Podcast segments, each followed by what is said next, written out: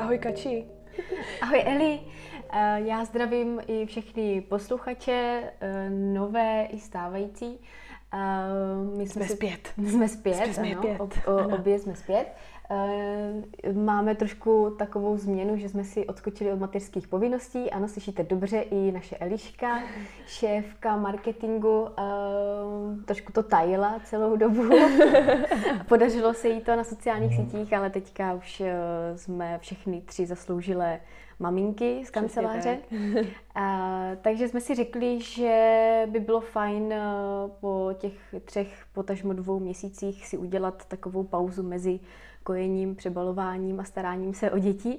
A, a natočíme podcast, eh, protože v rámci toho času, které třeba eh, který třeba já, díky bohu za moji, moje zlatičko mám, tak jsem schopná jako přemýšlet, napadají mě různé věci, co teďka lidi řeší, i klienti, co se nám ozývají, jaká je teďka situace ekonomická a v podstatě mi to vždycky mm, nabrnkne tím směrem, co bych uh, chtěla všem sdělit. Takže dnešní podcast bude mm, takový hodně o, o reakci na stávající ekonomickou situaci, na, um, ale i trochu jak kdyby obecně uh, k investicím, k no, historii, no, tak nějaká připomenout, statistika. že v této době, jak to vlastně správně udělat, jak to všechno rozložit, že? Ano, ano, ano. Uh-huh. A v podstatě se i dotkneme takových uh, často kontroverzních témat, uh-huh. které se tou společností prolínají. Budu tady mít eh, Elišku, drzou, vyzývavou moderátorku, eh, která... Která není tak v obraze, samozřejmě jako ty, což je ten ideální stav. Přesně, přesně. Takže budu zvídavá. Uh, jo. Já se možná představím ještě těm novým posluchačům, uh-huh. pokud nějaké máme. Eh, tak eh, já jsem eh, Katka, jsem hlava poradenské kanceláře Moje finance z Vín. Naše filozofie je zaměřovat se na finanční coaching, to znamená rozebírat návyky, postoje, přemýšlení ohledně peněz, ohledně svých cílů, důsledně vlastně nastavovat plán finanční tak, abyste směřovali k bohatství. No a Možná bych teda už začala. Uh-huh. Tím nejpalčivějším. Uh-huh. To, co každý z nás asi eh, se tomu úplně nevyhne, když ráno zapne uh, zprávy a televizi, tak prostě vidí. Můžu hádat? Energie? ano, a to druhé, inflace. Inflace, vysoká. ano. Přesně tak. Um, mně už se skoro jako zajíká to říkat eh, znovu, jak kdyby uh-huh. zhrn, zhrnovat, proč, proč se to stalo, co se stalo, a, ale možná v jedné minutě to, to zhrneme, že v podstatě mm, se nám tady rozmohl takový uh, nešvar před uh, už to vlastně to bude skoro tři roky, mm-hmm. to začalo v podstatě covidem, kde se nám tady rozmohla velká zásoba peněz, ta způsobila vysokou, nebo takhle lidi ještě nebyli schopni si nic kupovat, nikam chodit, takže se hromadily peníze a tím pádem prostě se zdražovaly věci, protože firmy ani nemohly vyrábět. Eh, takže byla zadrhnutá poptávka, eh, teda nabídka, poptávka byla velká a tím pádem se tady prostě nabubřelo taková jako mm, mezera v tom spotřebním eh, zboží.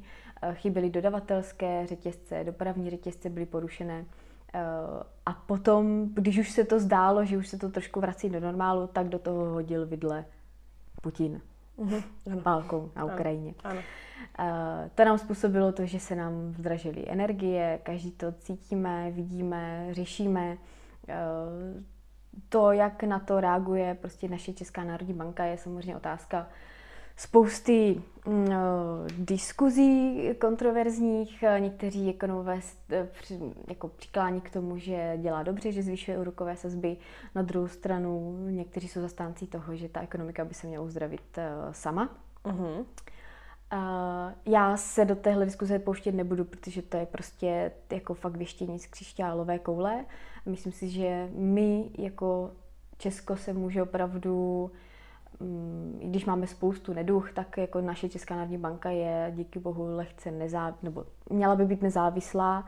Myslím si, že je nezávislá. Otázka je, jestli pan Michl uh, ne, nebyl dosazen uh, díky um, Babišovi a tak dále a ne, není takový ten jeho jako poskok.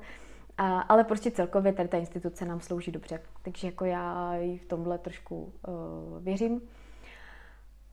Nicméně, co to znamenalo pro nás, co to znamená pro nás, pro obyčejné smrtelníky, tak uh, se nám zdražují hypotéky, uh-huh. takže pro, typicky pro lidi, kterým třeba příští rok končí fixace uh, hypoték, tak uh, budou velice překvapení. Může to být fakt průšvih z 20 tisíc splátky hypotéky může být najednou prostě 35 tisícová, 40 tisícová. takže to je to, co aktuálně řešíme v, třeba v kanceláři, jak se na to připravit, nebo v podstatě na něco takového, než bychom to předpovídali, ale připravovali jsme samozřejmě ve finančních uh, plánech uh, formou rezervy. A nejenom obyčejným smrtelníkům v vozovkách se zdražují úvěry, ale zdražují se i firmám. Hmm. Což je asi možná ten větší problém, protože firmy v tom podnikatelském prostředí hold musí využívat tady ty cizí zdroje, které se jim teďka zdražují a může to mít velký dopad právě pro ty firmy, které třeba nebyly ještě úplně v rozběhu, uh, byly na začátku růstu, um, teď to musí skrečnout, prostě zavřít provoz, protože to nezvládnou, tady, ten, tady ten zvyšující se úrokovou sazbu. Nehledě na to, že na to musí nějak jako reagovat zdražováním svých zboží, uh, služeb, produktů, takže zase to má prostě efekt na nás, na normální spotřebitele, domácnosti. Uh, měli by, nebo asi se bude mluvit o tom, že budou, bude se propouštět, příští rok bude asi docela zajímavý fakt vidět, jaký to bude mít efekt. Uh, nemyslím si, že jsme ve fázi, kdyby to byla tragédie. Ono samozřejmě domácnost od domácnosti to cítí jinak, ale všeobecně z, té, z toho ekonomického hlediska je to něco, co je trochu potřeba po x letech té extrémní produktivní doby, kdy, je, kdy jsme tady měli extrémní, extrémně nízkou nezaměstnanost. Pořád jsme stát, který má prostě jednu z nejnižších jako nezaměstnaností a to je to, co vlastně tlačí i ty firmy na zvyšování uh, mest, protože prostě ti zaměstnanci se mezi sebou, nebo ty zaměstnance se mezi sebou, mezi těma firmama uh, jsou schopni jako, nebo ti zaměstnavatelé si je jsou schopni prostě přeprodávat, mm-hmm. přeplácet, mm-hmm. jenom aby byli schopni dostat z té poptávky, takže musí vyrábět, nemají na to lidi, nemají na to zdroje, nemají na to prachy, takže mm-hmm. se tady to kolečko trošku točí a uvidíme, kam to prostě dospěje.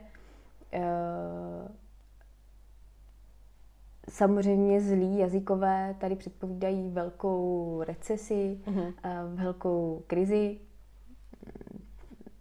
Já asi k tomu vždycky nemám co jiného říct, než krizi vždycky všichni, všichni, všichni pořád předpovídají. A mm-hmm. pravda je, že nikdy ty krize nebyly tak často, jako to někdo věštil. Mm-hmm. Nebo to mhm. někdo předpovídal. Mm-hmm. Tím nepopírám, že nějaká recese bude nebo nějaký průšvih bude, ale spíš to považuji za uh, nějaké přirozené očištění mm-hmm. toho trhu. Očištění fakt od těch uh, rychlokvaškových firm, uh, očištění od té extrémně nízké nezaměstnanosti, která taky není úplně zdravá, protože mm-hmm. tady není konkurenční boj mezi těma lidma, mm-hmm. jako na mm-hmm. trhu práce. Mm-hmm. Uh, takže tady jako vnímám tu recesi jakože bude, ale nevnímám to dramaticky nebo jako mm-hmm. tragicky. Mm-hmm. To se samozřejmě blbě pak říká každému jednotlivci, který třeba zrovna nebude mít tu práci nebo bude propuštěn. Uh, ale hold prostě ekonomika je krutá, brutální mm-hmm. a hold se točí prostě v nějakých cyklech. No tolik k té reakce na tu ekonomickou situaci teďka stávající. Jak to třeba ty Eli vnímáš, nebo co bys k tomu uh, dodala jako z pohledu toho obyčejného smrtelníka. Obyčejného smrtelníka. No jako vlastně, jak o tom tak mluvíš, tak mě jediné, co napadlo, že, že opravdu ti lidi jsou hrozně překvapení, že se něco takového děje. Že, hmm. že, že nemám pocit, eh, jako dobře, na, nám je třeba kolem 30, jo, ale když mluvím i se staršíma lidma, kteří zažili, podle mě už tu krizi, kdy, hmm. kdy to bylo 2829, 2829 eh, tak eh, přece už něco takového, dejme tomu, tady jako ne, ne až tak dávno bylo, hmm. kdy se jako všechno brutálně zdražovalo a tak dále a najednou mám pocit, že ti lidi se z toho vůbec neponaučili, že najednou nemají vůbec, i ti stejní lidi, kteří už to zažili tu krizi, tak nemají rezervy, nemají vůbec jako, že v hlavě tohle může nastat znova, že možná, jak ty říkáš, teď jsme se rozmazlili tím, že já nevím, kolik x let to bylo super a 12 let, 12 let no. se nám mhm. pořád že jo, dařilo a mm-hmm. pořád bylo super, tak uh, teď prostě uh, i lidi, kteří už to tady zažili, tak je to hrozně bolí, jako zdražování mm-hmm. energie a tak, jo, mm-hmm. že prostě uh, pro obyčejného smrtelníka zdražení energie dvojnásobně, potažmo někdy trojnásobně, tak je prostě strašný mazec pro ty lidi. Mm-hmm. Zrovna včera jsem četla nějaký článek, že byl taky ten příspěvek na děti, pět tisíc. Mhm. Takže vlastně půlka Čechů tím splacelo nějaké dluhy, že to nebylo jako příspěvek na děti, ale no, jasně, tím no. pokryly nějaké dluhy, jo. A to si řekneš pět tisíc korun, prostě co to, co to je v dnešní době. No. A takže takhle jsou podle mě jako bohužel lidi jako nastavení, no. Takže to bude pro ně opět složité, si myslím. Nevím, jak to vnímáš ty, no. Já bych to nazvala jako syndrom kolektivního zapomínání. to je hezké. Mm, chytnu se toho, že ano, že se neponaučili ti mm-hmm. lidi. Mm. Možná bych to ještě eh, pozměnila ten termín v tom smyslu, že se všichni jsme se poučili z toho, z té krize, jaká byla. Mm-hmm. To znamená, že ona se nestane ta sama. Mm-hmm. A, a v minulosti to tak taky jako pokud si dobře pamatuju, jako nikdy nebyla ta krize jako kdyby stejná, ze stejného mm. zdroje, ze stejného důvodu. Mm, jasně. A, ale kam tím mířím, že lidi se neponaučí uh, se připravovat na ty krize, které si neumí představit, že by mohly přijít. Mm-hmm, mm-hmm, uh, snadno se uchlácholíme tím, že, jak říkáš, prostě 12 let eh, všechno rostlo. Mm. Uh, tím nám vlastně padají zábrany, padají uh, jak kdyby takové ty put sebezáchovy, prostě usínáme na vavřínech, mm-hmm. roste nám sebevědomí, eh, roste ten mm, investiční apetit, mm-hmm. prostě tím myslím, že eh, zapomínáme na riziko, nejsme ho schopni identifikovat. A tohle, mm, jako vnímám to, že ti lidi opravdu zapomněli, že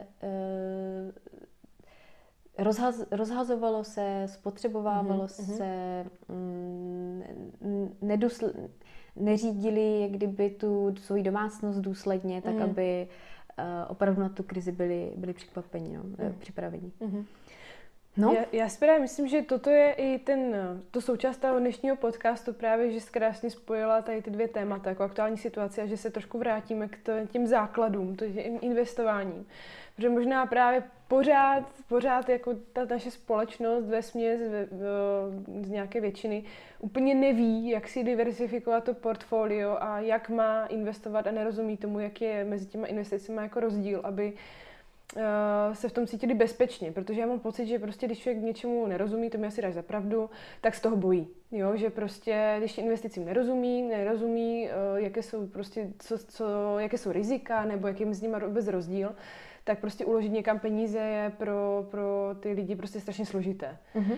Takže jsem hrozně ráda, že se k tomu teď takhle vrátíme a možná jako úplně jednoduše vysvětlíme, jaký je základní rozdíl mezi tady těma, těmi druhými investicemi a jak ty vlastně doporučuješ to portfolio nějak základně eh, rozdělit, když chápu, že samozřejmě to je hodně individuální potom jo, jasně. Tam.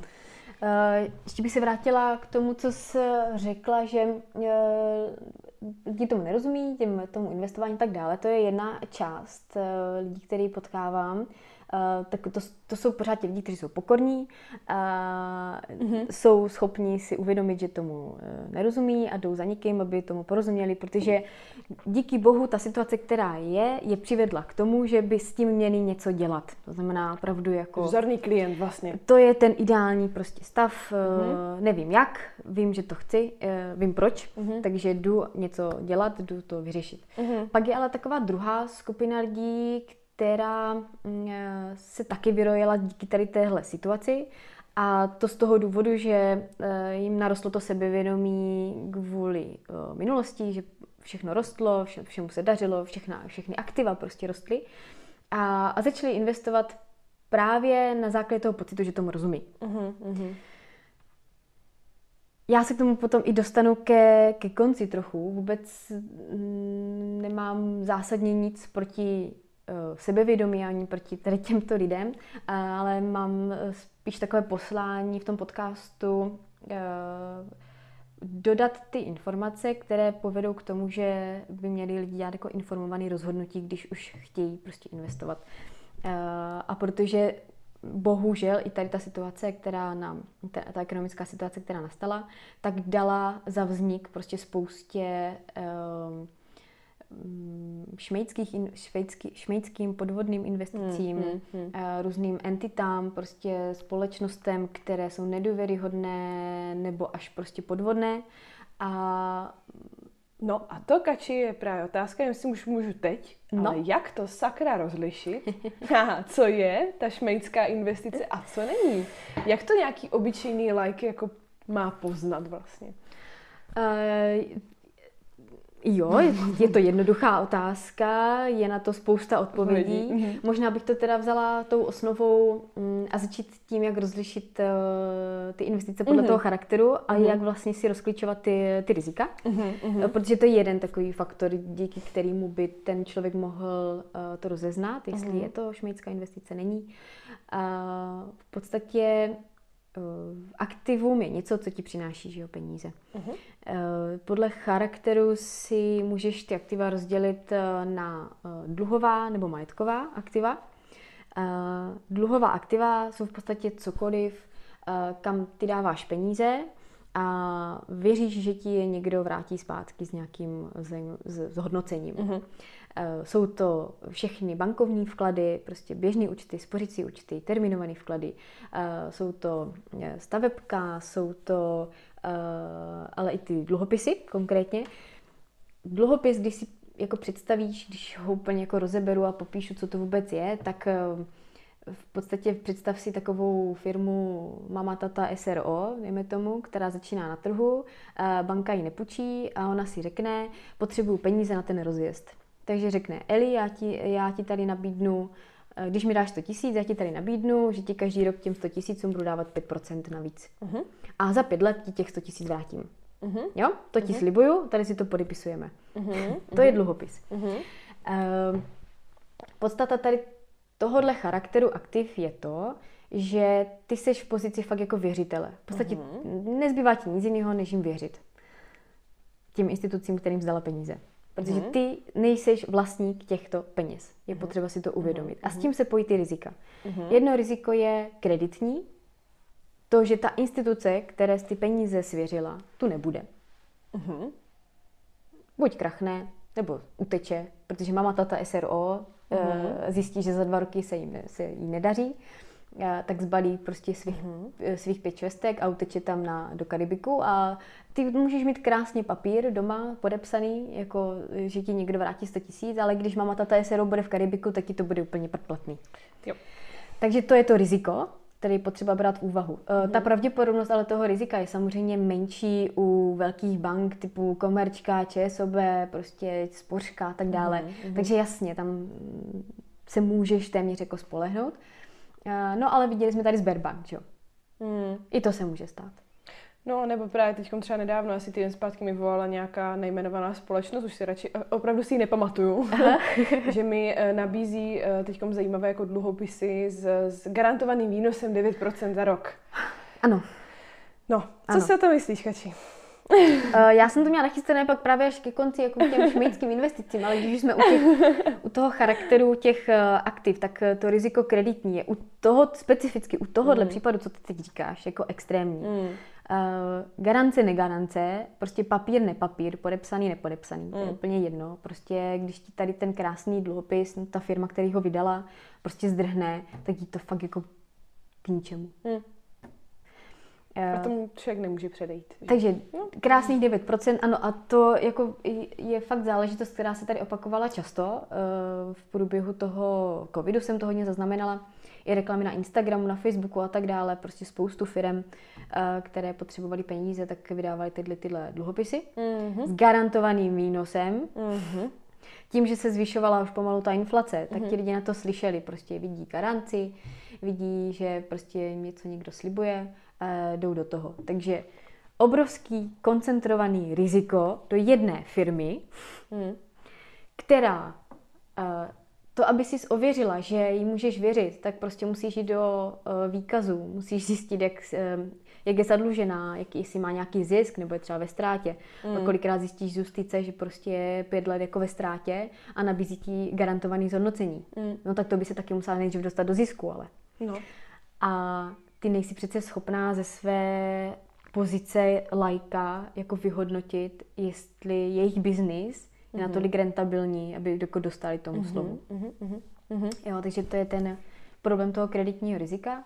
A pak je tady samozřejmě uh, druhé největší riziko, to je to inflační. Taková uh, funny story o uh, inflaci. Uh-huh. Uh, jak teďka možná zaznamenala, že to teďka měsíc poprvé jako kleslo, že už nemáme, nevím, 18, ale třeba 17,5, teď, uh-huh. teď to číslo úplně nevím přesně, uh-huh. uh, tak to samozřejmě vyvolalo hrozně pozitivní ohlasy, že už nám jako klesá inflace. Uh-huh. Akorát eh, ten background málo kdo ví, že v podstatě Český statistický úřad do toho zařadil do toho výpočtu inflace jako příspěvek na energie. Eh, Aha. Tím, což je docela jako sporný, to, to se teď jako řeší, ale tím jsem jenom chtěla poukázat na to, že ten ten zdroj informací z médií mm. může být nějaký, to můžeme nějak vnímat, podle toho se chovat, ale prostě to zákulisí jako málo kdo ví. A i, i, celkově vůbec o tom čísle, jako hledně té inflace, by uh, si člověk mohl pousmát nad tím. Hlavně každý z nás má totiž jako inflaci úplně jinou. Jo. Někdo může mít 50% meziroční, někdo může mít třeba jako 5, podle toho, jak žije. Mm. A, takže to je takový jako ukazatel, který uh, myslím, že není úplně jako směrodatný pro obyčejné domácnosti. Každý z nás cítí, jak eh, že ten lipánek z toho rohlíku je dvakrát dražší prčic, než prostě před, mhm. před pěti lety, nevím. Mm.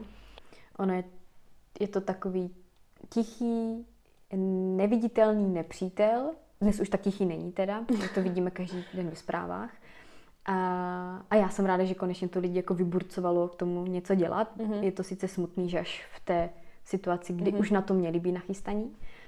Ale inflační riziko uh, je problém právě u těchto aktiv dluhových v tom smyslu, že ty máš podepsanou tu smlouvu s, tou, uh, s tím výnosem 5% každý rok, což v době, kde inflace je 2%, tak se to zdá jako super investice. Mm-hmm. To chceš, prostě, aby ti někdo dával 5%, když je inflace 2. Jenže ty ten samý uh, nás, ten samý papír, tu smlouvu, držíš i v momentě, kdy je inflace mm-hmm. 18, jako mm-hmm. je letos. Mm-hmm. A pak s tím můžeš dělat, co chceš, jak chceš, prostě ztrácíš 13% každý rok na, na té hodnotě. No a jak to kači funguje, když já bych si takhle eh, na, můžu si nakoupit dluhopisy? Nebo, mm-hmm. Jo, nakoupit dluhopisy jo. Uh, u nějaké takhle firmy, nebo když to vydává banka, zříkala dluhopisové fondy, Uh, to zprostředkovává, zprostředkovává, ale existují mm-hmm. dluhopisové fondy. Mm-hmm. Jo. Uh, tak já teď budu fakt přemýšlet jako úplný like, že mm-hmm. si řeknu výborně, tak teď je prostě inflace, já nevím, třeba, jak ty říkáš, že jo, 2%, tady mi nabízí 5%, super, já to nakoupím. Mm-hmm inflace bude růst a já si řeknu, tak uh, už to nechci, tak já to chci třeba za tři, čtyři roky, že prostě si vybrat. Je to vůbec jako možné, takhle jako s tím šachovat, nebo prostě se upisuješ na nějakou určitou dobu třeba? No, je, no jasně, můžeš to prodat, uh, ale tím, že nedodržíš vlastně ten investiční horizont zrovna u těch dluhopisů, uh-huh. Tak uh, ta instituce, která ti to prodává, uh-huh. tak uh, nabízí neatraktivní dluhopis na trhu uh-huh. v ten daný moment. A nikdo uh-huh. ho nechce. Takže přirozeně ho musí prodat jako extrémně pod cenou. Uh-huh, uh-huh. Takže ty se, ty se dostaneš k tomu nejen, že máš těch, že ztratíš jak kdyby ty, ten 5% minus, uh-huh. ale taky místo těch 100 tisíc dostaneš třeba 70. Uh-huh. Takže jo? prostě pokud nedodržíš nějaký horizont, který je předem daný, tak uh, ztrácíš, tak je tam to riziko. Tak tam ztrácíš ještě vlastně ten úrok. Jo. Uh-huh. Tohle jsou ty nej, největší nepřítele těchto jako dluhových uh, aktiv. Pak je mm, Druhý charakter, a to jsou majetková aktiva, tam je úplný opak, ty fungují úplně opačně. Jsou to typicky aktiva, který, e, u kterých seš ty vlastníkem, nejseš nikomu, jako věřitelem, ale mm-hmm. jsi vlastníkem těch mm-hmm. svých jako uh, majetků. Mm-hmm. A je to typicky nemovitost, může to být zlato, nebo různé komodity, cokoliv, když vlastníš klidně archivní uh, víno nebo mm-hmm. prostě nějaký super obraz. Uh, všechno, na co si můžeš šáhnout, mm-hmm. jako uh, buď doslova, nebo uh, CCA někde, protože na akci si v podstatě nešáhneš v dnešní době, ale je to taky jako forma majetku, uh-huh. protože jsi vlastně majitelem části firmy, do které vlastně investuješ. Ano. Uh-huh. Dává ti to vlastně právo na podíl na, to, na tom jejich zisku. Uh-huh. Funguje to totiž jinak, právě jinak než ten dluhopis. Uh-huh. Tam je jenom papír, že někomu půjčuješ peníze, uh-huh. ale u těch akcí seš e, vlastně nasedla do toho rychlíku s tou firmou. A čím víc se bude dařit té firmě, tím víc eh, se vlastně podílí s tebou na tom, na tom zisku. Uh-huh. A to chceš. Uh-huh. Prostě ty chceš, aby se té firmě dařilo. Uh, a rozdíl právě oproti těm dlouhým aktivům je, že celou dobu seš ten majitel. Máš to někde buď fyzicky, anebo jsi někde vedená jako majitel těchto cených papírů, typicky třeba té akcie. Mm-hmm. A uh, tady paradoxně právě mm, nehrozí ty dvě rizika, které hrozily u těch dluhových aktiv, to znamená kreditní a inflační, mm-hmm. uh, protože ze své podstaty jsou to aktiva, které by měly mít nadinflační výnos. Mm-hmm. Uh, to, že se jim to nedaří každý rok, to není mm-hmm. ani účel mít mm-hmm. každý rok nadinflační výnos. Ale v dlouhodobém měřítku a právě ty majetková aktiva uh, se kupují, protože je to jako do dlouhodobého portfolia, do nějakého dlouhodobého plánu. A uh, ta jejich podstata mít ten nadinflační výnos je odvozená od toho, že například hmm, nemovitosti, když si koupíš a někoho tam mm, pro, někomu to pronajímáš, tak v momentě, kdy se zdražují věci, teď to vidíme, je prostě vysoká inflace, tak ten pronajímatel to zakomponuje do toho nájmu. Mm-hmm. To znamená, že ta domácnost pak platí vyšší nájem a tím pádem se ti dostává jako vyšší, vyšší zisk. Mm-hmm. Uh, zase, neplatí to tak, že jako z měsíce na měsíc se tohle stane, ale ze své podstaty je to to, kam má ta nemovitost vlastně směřovat. Uh, I růst uh, ceny nemovitostí jdou, jdou nahoru, že skrz poptávku, skrz uh, ten trh. Uh, takže to hodně reaguje na tu tržní situaci a to, uh-huh. co se děje. Uh-huh akcie, neboli kdyby ten, mm, to prostředí těch firm, které něco produkují, nějaké zboží, služby a podobně, tak eh, jejich podstata je reflektovat tu inflaci, je zase odvozená od toho, že eh, když se jim zdražuje eh, materiál, dodávky a tak dále, tak oni to musí zase promítnout do, těch, do té své ceny, toho mhm. zboží, uh-huh. služeb, tím pádem to prostě prodávají dráž, tím pádem prostě mají větší zisky. Uh-huh. A zase to neplatí, jo, jako z měsíce na měsíc, že by prostě eh, se vyhlásila 18% inflace a najednou všechny firmy zdraží 18%. Mm-hmm. Některé si to můžou dovolit, mm-hmm. typicky uh, fakt jako velké firmy, konglomeráty, řetězce, mm-hmm. které už jsou na trhu dlouho, jsou zajeté, tak mají tady to promítnutí té inflace do svých zboží a produktů jednodušší. Mm-hmm. A když si představíš prostě mekáča, uh, mm. tak prostě Mekáč má svoje stávající zákazníky a... Rozhodně tam nepřestanou chodit, protože zdraví hambáč o 5 korun. přesně tak, přesně tak. A to, a to teďka vidíme fakt jako reálně, že se děje. Eh, prostě Mekáč eh, zakomponoval inflaci okamžitě do těch eh, produktů a prostě chceš, nechceš, jako hmm. je to jedno. Choď hmm. tam, nechoď tam. Já mám prostě tolik zákazníků, že si s nima můžu vytřít, nechápeš. Ale pak jsou firmy, které si to dovolit nemůžou. Právě to jsou ty firmy, o kterých jsem mluvila na začátku, že, eh, že jsou na, na, na trhu prostě krátce, jsou teprve mhm. ve fázi, kdy, kdy jako musí prorazit na ten trh se svým mhm. produktem a nemůžou si úplně dovolit ještě v tom konkurenčním prostředí najednou o inflaci zdražit. Mm. A tady tyhle firmy prostě hold půjdou dopryč, dost pravděpodobně, nebo to nevydrží tady to prostředí. Mm Eh, té vysoké inflace, ale ze své podstaty prostě uh, hodnotové akcie, které uh, jsou u velkých firm a do kterých jako s našimi klienty investujeme, tak tohle by měli dlouhodobě zakomponovat, uh, tu inflaci. Uh, takže asi pochopila vlastně ten rozdíl, jak, jak fungují úplně opačně. Jo. Tady tyhle dvě části. Myslím, že to řekla aktiv. fakt moc hezky. Uh, no a často um, lidi vidí jenom ten výnos. Mm. Typicky dneska se podívají na spořící účet, který má 6% zhodnocení. Mm. A to je přece to, co mě bude vynášet vždycky. Mm. A vidí, že akcie klesají o 20%, no tak mm. to je na hovno aktivum, že jo?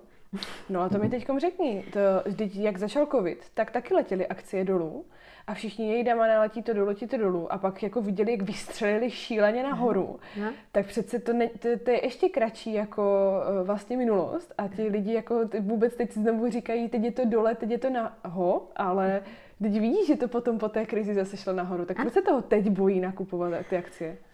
Když viděli, co to udělalo s covidem, eh, že několik, několikanásobně to potom vystřelilo nahoru po té krizi. A my se tady bavíme o těch, o kterých se bavíš ty, o těch lidech, tak to jsou lidi, kteří jako fakt k sobě nemají žádného toho guru, poradce, mm. kouče, kohokoliv. Mm-hmm. Jako to je úplně jedno. A jsou jak kdyby pod tou palbou těch, eh, těch médií. Mm. A bohužel tady tahle skupina lidí je pořád v té většině. Vždycky mm. to tak bude. A ten, ten výzkum a uh, ta statistika z minulosti nám ukazuje, že ta masa lidí se chová pořád stejně. Uh, celý tady ten systém, jak kdyby invest, investování akcí a podobně už funguje jako 250 let. Uh-huh. A tohle se nikdy nezměnilo, ta uh-huh. psychologie uh-huh. investorů. Uh-huh. A já do té doby, dokud uh, to nezačne být přirozený, uh, tady to přemýšlení o investicích, dokud to nezačne být pro nás tak běžné jak násobilka, mm-hmm. tak do té doby my tady budeme točit ty podcasty, budeme prostě dávat mm-hmm. tam na ty sociální sítě, jak do dobu, prostě stále, pořád, dokola. Mm-hmm. Uh, protože já jsem ráda, že jsem vlastně, že to, co jsme se učili někdy v nějakých ekonomických poučkách mm-hmm. a tak mhm. dále, mm-hmm. tak uh, co si budeme povídat, pořád jsem ještě mladá na to, abych uh, tu praxi měla 30 letou, 50 letou, ale mám i 10 letou. A bylo fajn právě pozorovat to, že těch deset let bylo celou dobu rostoucích. To bylo prostě to, kde se nám nejvíc daří a všechno rostlo a podobně. Mm-hmm. A uvidět konečně ten reálný dopad mm-hmm. té krize, mm-hmm. to znamená, to mhm. byl ten eh, covid, kdy všechno eh, spadlo, veškeré portfolia spadly o 20-30%, ale všichni mý klienti, nebo jako 90% z nich, eh, mě nevolalo s telefonátem, panik, panikou, jako mm-hmm, pojďme mm-hmm. všechno vybrat, ale kolik tam mám přikoupit. No jasně, protože prostě dostali správné informace. Dostali správné informace a byli schopni na to reagovat tak, jak by se mělo reagovat. Ale ten zbytek, ten retail, který prostě tohle nemá, tady ty informace, tak pořád, pořád podléhá těm emocím, což je vlastně to, co je na tom investování nejnebezpečnější. Mm-hmm. A taková jako fakt typická otázka, jo. Mm, představ si, že máš tři hromádky aktiv, jo. Dal 100 tisíc do akcí, mm-hmm. dal 100 tisíc do dluhopisu a dal 100 tisíc um, do nemovitostního fondu nějakého, mm-hmm. do nemovitosti. Na první hromádce akcí vidíš 70 tisíc, na druhé hromádce vidíš 90 tisíc a na třetí hromádce vidíš 200 tisíc. Mm-hmm.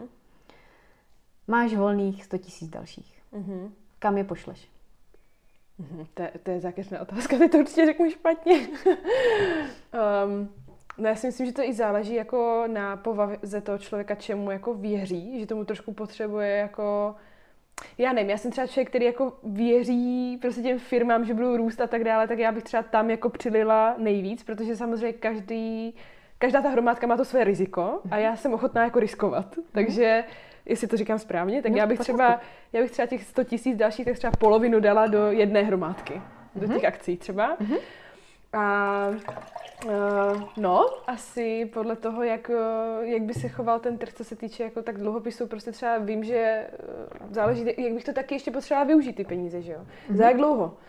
Takže uh, asi nevím. Já bych... Jo, určitě neberme všechny ty faktory no, kolem no, toho. Jasné, Tohle... jasné. Tak, tak dejme tomu, že tu druhou polovinu bych rozdělila hmm? na těch dalších dvou hromádek. Jsi informovaný investor, který prostě eh, využil tu příležitost na tom trhu správně, protože máš, ty, máš to máš ty informace tak, abys udělal to informovaný rozhodnutí. Takže ne, neudělala jsem to úplně blbě. Neudělala jsem to úplně blbě.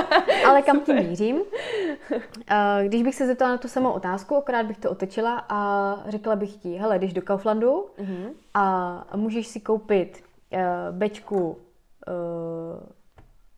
Plzně, kde vidíš minus 30%, mm-hmm. pak uh, bečku kozla, kde uvidíš uh, minus 10% mm-hmm. slevu mm-hmm. a uh, bečku uh, svijany, kde, kde uvidíš přirážku o 100%. Co si koupíš? Mhm, jasné, no. Asi, jako, asi pravděpodobně to, co je nejvíc ve slevě, no. Hmm. Hmm. Jako, ano. Tak, hmm. no a když se vrátíme k tomu prvnímu příkladu, tak eh, když se na to zeptám prostě jakéhokoliv klienta, nebo ještě než má samozřejmě to, ty informace ode mě, tak by prostě nakoupil samozřejmě to, co jako roste. Mm-hmm. To ne, ten nemovitostní fond, protože to mu dělá radost, protože to vydělává. Mm-hmm. Takže by všechny ty svoje peníze, které má, tak by mm-hmm. vložil do toho, do toho mm-hmm. nemovitostního fondu, protože to se mu líbí. To vydělává. Jasné. Co, tam... co je na tom špatně, na té logice jsme si teď asi názorně ukázali. Uh, to je hezký příklad. Je, je to hezký příklad, ano. Používám ho uh, docela často, blbě na, na těch pivech. Já jsem asi ještě nevymyslela nic A to je dobré. Lepšího. To je dobré. Pivo na Čechy zabírá, to je dobrý no, příklad. to je pravda. To je pravda. Uh, ale ta, ty emoce tady v tomhle rozhodování jsou natolik silný, mm-hmm. Jako opravdu natolik silný u těch lidí, že uh, říkat si to můžeme pořád dokola, pořád fakt jako si to podtrhávat červeně a tak dále. Všichni na to kývou, že jim je to jasný, mm-hmm. racionálně, ale v momentě, kdy to mm-hmm. přijde, tak se prostě fakt každý člověk chová podle toho uh, výzkumu, podle té statistiky, která vede k tomu, že v momentě při největších propadů lidi prodávají ty své cené papíry, v momentě největšího růstu nakupují. Mm ale jako musím přiznat, i já sama za sebe, ne, eh, jak jsi řekla, jsem aspoň trošku informovaný investor, abych tak řekla, že tak dejme tomu, z, z, nevím, průměrně, ale uh, i se mnou ty emoce strašně hážou. Mm-hmm. Kolikrát prostě vlastně uh, moje koučka Marci, která je vlastně v naší kanceláři, tak uh, jsem jí řekla, hele Marci, to je strašně super, mě teď přišlo úplně jako super nápadu dělat uh, něco a zaplať pán Bůh, že tu koučku mám, protože přesně ona je o to, řekla, hele Edy, tak moment, jo, zastav se, to není zase takhle růžové, nebo není to takhle černobílé. Vždycky mi zase připomene všechny ty další okolnosti, já se vrátím nohama na zem a řeknu, aha, jo, jo, to jsem si jako neuvědomila. Takže jo. i se mnou ty emoce hýbou dost. A, ale to je přirozený. To jako nech, nechceme po lidech, aby neměli emoce. Jo? O to jako nejde. Um, ale a teď to je jako z behaviorální ekonomie taky, on je v podstatě prokázaný, že nikdo není objektivní ke svým vlastním penězům, mm-hmm. právě mm-hmm. kvůli tady těmhle emocím. Mm-hmm. A proto tady nastupuje ta role toho kouče, který je odosobněný od vašich peněz, v mhm, podstatě mm-hmm. od těch mm-hmm. emocí. Mm-hmm. Já po těch deseti letech eh, ty emoce, co se týče investic a peněz, nemám žádné, jako nula, eh, bod mrazu, prostě tam nastupuje rácio a, a emoce jdou někde stranou. Mm-hmm. Um, nastavuje vám vlastně to, že to zrcadlo, to mm, prostě objektivní zrcadlo, hele, jdeme k těm cílům, které jsme si řekli, tak tě to nezajímá, co se stane v roce 2022, 2023. Mm-hmm. My chceme uh, tě dostat do fáze finanční nezávislosti, což je stav, kdy nebudeš muset pracovat, protože jsme pracovali na kumulaci toho majetku, mm-hmm. který tě bude živit. A hotovo, konec prostě. Mm-hmm. A každý rok, eh, je to přirozený ty emoce, takže každý rok si tady tohle prostě zopakujeme tak, aby uh, to bylo přirozený, pak se odosobnit od těch emocí i trošku i pro vás potom. Jako mm-hmm. být tak uh, informovaná a edukovaná, mm-hmm. Už vlastně s těma emocemi můžete potom pracovat mm. jako taky. Mm. Ale za začátku, eh, za začátku tam prostě někdo musí být. Když se podíváme třeba na ty nejbohatší lidi prostě světa, jak to mají rozdělené ty portfolia oni, že jim to takhle vynáší? Co se týče, jak ty jsi říká, jsou tady nějaké hromádky, nějaké určité procento v nich máš uložené. Jak to vypadá u těch, kterým se jo. nejlépe daří? Uh, je to taky strategie, podle které se trochu řídíme v té naší kanceláři. Um, úplně primárně se to odvíjí od starého židovského pravidla, někdy jako tři a půl tisíc let před, před třema a půl tisíci lety. Uh, Židi prostě, um, no, jak si víme, byli to úspěšní obchodníci, tak uh, nastavili takový princip uh, nejkonzervativnějšího rozložení tvýho majetku. Mm-hmm A ten princip říká, měj ten svůj majetek rozdělený na třetiny, na ty tři hromádky pomysle. Jedna hromádka je ne, nějaká hotovost, tenkrát to byla prostě že, ty mince jejich, uh-huh, uh-huh, jako uh-huh. rezerva, na které si seděli, pak třetinu měj v půdě, já uh-huh. to mm, vlastně parafrázuju jako z toho židovského pravidla, a třetinu měj v obchodě. Uh-huh. To židi měj ten svůj obchod. No a um, Letos už to není samozřejmě tak, že bys měla mít vždycky půdu a, a, a svůj obchůdek, že jo, kde bys prodávala, nevím, zlato. Ale je to trošku modifikované na uh, tu dnešní dobu a v podstatě se můžeme bavit o tom, že to je třeba 10% kdyby mít hotovosti, 30% v těch dluhopisech nebo tady v těch dluhových aktivech. Mhm. 30% v akcích, což je vlastně náhražka za ten židovský obchod, ve mhm, smyslu uh-huh. toho, uh-huh. A, a tak i pracuju kolikrát s, s lidmi, kteří mají ten svůj biznis, tu firmu, uh-huh, že uh-huh. to je vlastně jedna velká akcie. Uh-huh. A, takže to je ta složka akciová a potom 20% uh, uh, nemovitosti, což je vlastně náhražka za tu půdu, uh-huh. ale v dnešní době to nemusí být půda, může, může to být pozemek, může to být uh, investiční byt, může to být nemovitostní fondy, prostě jakákoliv nemovitostní složka uh-huh. a 10% v alternativách. Uh-huh. A teď v alternativních investicích, pod tím si můžeš představit spoustu uh, věcí, ať už jsou to kryptoměny, ať uh-huh. už mhm. jsou to cokoliv, čemu ty rozumíš. Můžou to být ty uh, můžou to být ty investiční obrazy, uh-huh. archivní vína, whisky třeba, jo. Mám klienta, kterým prostě rozumí viskám, no tak ať, ať je má, uh-huh. má to v portfoliu. Když to chápu, tak ty alternativní investice jsou všechny na ty, na ty které si můžeš šáhnout?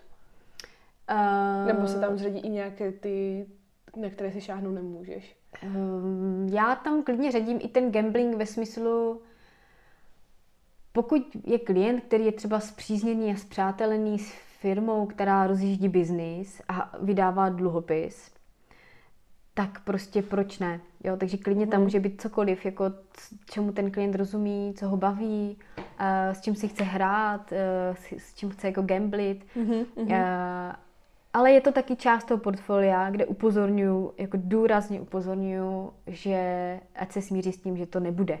Že těch 10% prostě mít do budoucna nebudou. Uh, protože to riziko je tak velký, nebo mm-hmm. je to tam tak jako pade na pade, bude to, nebude to, uh, že tam prostě nedáváme, nedáváme víc peněz. Mm-hmm.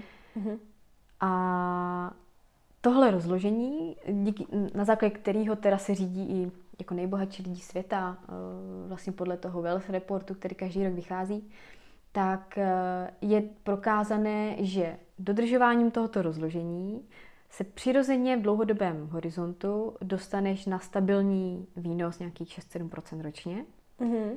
aniž bys udělala bu. Mm-hmm. Prostě to je tak blbuzdorný, to rozložení, mm-hmm. že když se ztratíš někde teď v džungli a vyjdeš za 20 let, tak tam budeš mít výsledek. Mm-hmm. no a spoustu lidí tady tohle chcou přechytratit. Mm-hmm. Jasně. Chcou mít ještě větší výnos. Chcou mít ještě větší výnos. E, já to chápu. Mm-hmm. Ono to je samozřejmě možný. Jsou to tak, můžou to být různí jako tradeři, který prostě sedí každý den od rána do večera u počítače, sledují tam ty svíčkové grafy, mm. prodávají, nakupují a tak dále. Pokud je to někoho hobby a koníček, tak ať to dělá mm. úplně v pohodě. Není to naše filozofie kanceláře, mm. naše filozofie je wealth protection, to znamená mm. jako nejdůslednější ochrana bohatství a důsledná disciplinovaná, důsledné disciplinované odkládání peněz tak, aby to mělo ten výsledek, finanční závislost, 50 letech, ruky hore, nohy hore, prostě nepracuješ. Já bych jenom to řekla jinými slovy, Kači, abych jako, a dala bych na to ten důraz. Ty jsi řekla hrozně důležitou věc. E, ano, jde to samozřejmě e, získat těch víc peněz, ale jak ty řekla, jsou to třeba tradeři, kteří jako se tím živí. To jsou yeah. lidé, kteří u toho sedí, přesně kteří celý den sledují ty svíčkové grafy, rozumí tomu a ne, že prostě si jen tak sedneš za počítač a tak jako si tam něco někde občas koupíš a nič jako nerozumíš tomu, že opravdu jsou lidi, kteří to analyzují prostě. Je, je to jejich job. Jo, jo, jo. A e, já občas jako fakt kroutím hlavou nad e, tím sebevědomým lidí, kteří um, si myslí, že to přechytračí, prostě tady to rozložení toho portfolia a tím, že mm, různě nakupují přímé akcie, různě se jako dávají peníze do těch dluhopisů s garantovaným výnosem, mm-hmm. a mm, prostě uslyší o novém coinu, tak tam prostě vloží celoživotní úspory. Uf. ano. Uh, vždycky si říkám, jestli to teda je jako natolik velké, vysoké sebevědomí, anebo právě ta neinformovanost, hmm. uh, protože když uh, to srovnám jako se mnou a s tím desetiletým know-how, tak já v podstatě jsem ve fázi, že vím, že nic nevím. Hmm. Uh, myslím, že to tak jako asi vždycky je, uh, je dáno, že nemám úplně pocit, že bych měla mě nebo mým klientům Eh, přechytračit portfolio v tom smyslu, že použiju něco, co nefunguje a nepoužiju to, co je osvědčené jako historií, tisíciletou historií. Eh, a když jsme v té novodobé společnosti, tak jako 250 lety něčeho, co jako funguje. A, a někteří ten pocit eh, prostě mají, no. A já když si vezmu, jako, co je za práci, když samozřejmě jako vybírám třeba fondy, tak se občas dívám na ty, na ty firmy. A když se dívám, co je vlastně za práci těch portfolio manažerů, eh, jako každý ráno vstát, koukat do těch výkazů, eh, zkoumat eh, ziskovost, rentabilitu, stabilitu té firmy.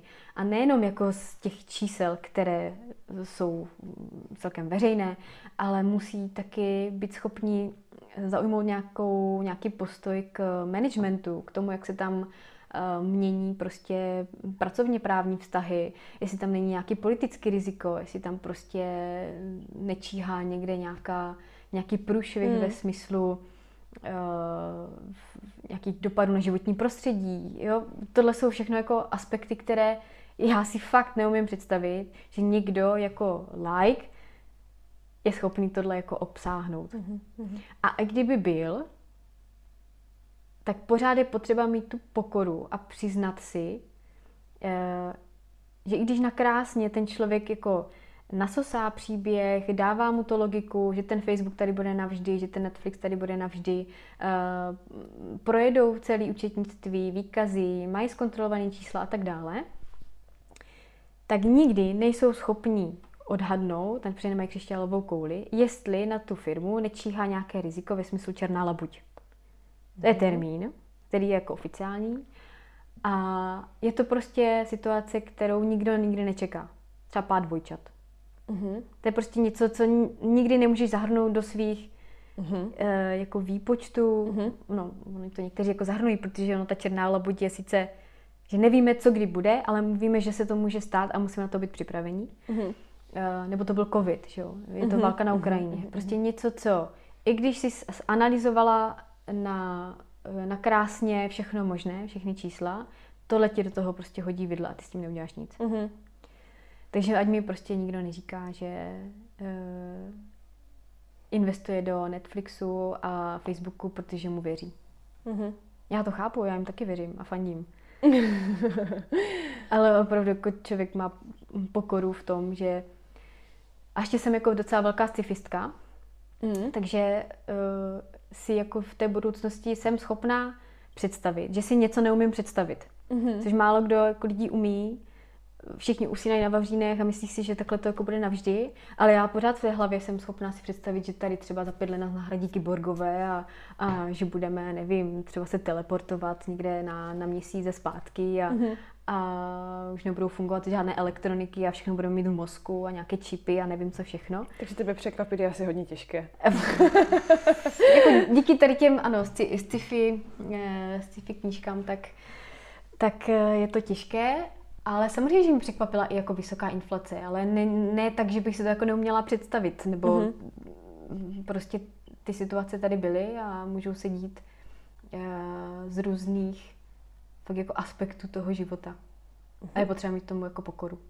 Kdybych měla zhrnout asi ty nejčastější chyby uh, jako investoru, tak jak to vnímám, my jsme vlastně už uh, naznačili ten, ten postoj v tom, um, že když investice klesají, tak uh, to prodávají, když když to roste, tak nakupují, protože už o tom mluví Lucka Borhiová na nově, takže si ty cené papíry nebo jakékoliv aktiva jako kupují. To jsme si řekli, že je špatně, doufám, že ještě 150 tisíckrát to v tom životě řeknu a už se to někde chytne a že to někdo pochopí. Já a... taky moc přála, aby ti lidi radši věřili vám, než Pepovi z Horní Dolní, který si nakoupil bitcoiny. Jako, ano. Nevím, kdy to přijde, doufám, že fakt jako jo. se to postupně mění k lepšímu. a říkám, já nemám problém, že by někdo si koupil prostě bitcoin nebo kryptoměny, ale ať to, ať to uh, za prvé ví, proč to dělá, za druhé tomu trochu rozumí.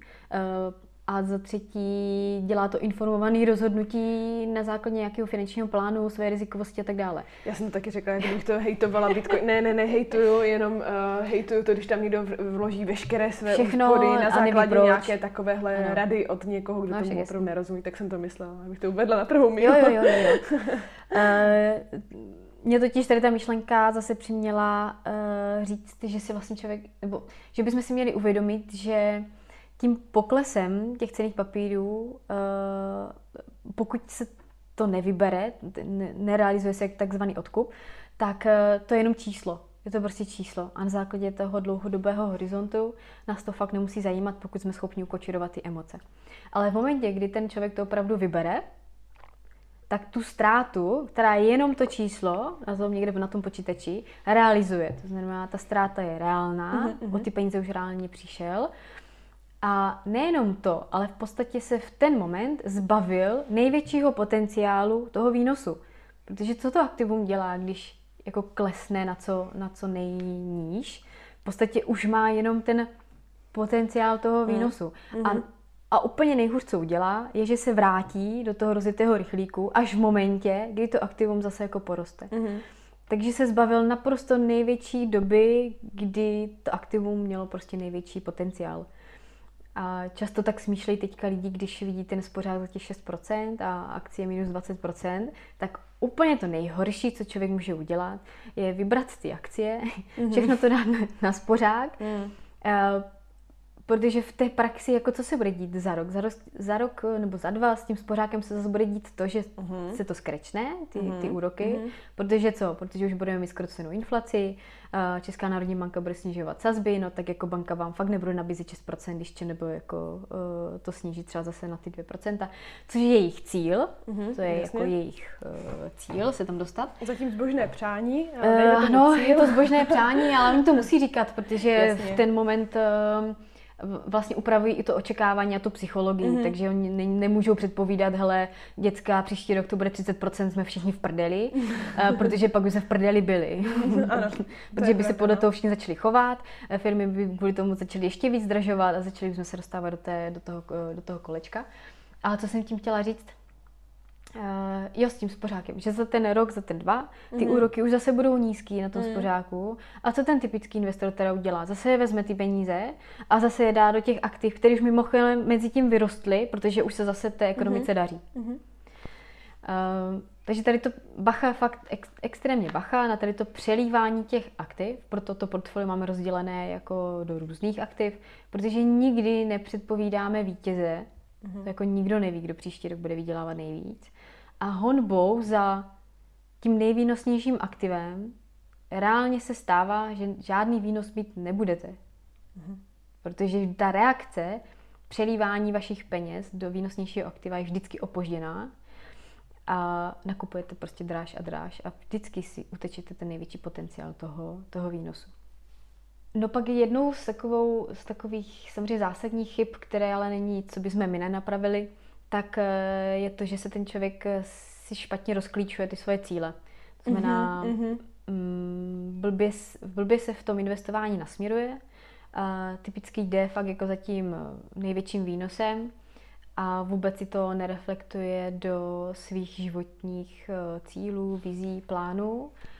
A v podstatě, když to srovnám tak, že jako František z Horní Dolní má jako jiné cíle, eh, než prostě tady Eliška z, z města, a podle toho by se mělo chovat i rozložení těch, těch investic, podle toho by se mělo chovat i eh, vklad, kolik do toho prostě vkládá do těch investic. A jak eh, s ním zacházet, s tím portfoliem jako v průběhu času. A tohle, kdo si prostě, tohle to si málo kdo uvědomuje. A myslí si, že se prostě dá zanalizovat jenom to samotné aktivum a nemusí se analyzovat vlastně on jako člověk a ty jeho potřeby, takže mám jako největší uh, zásadní chybu.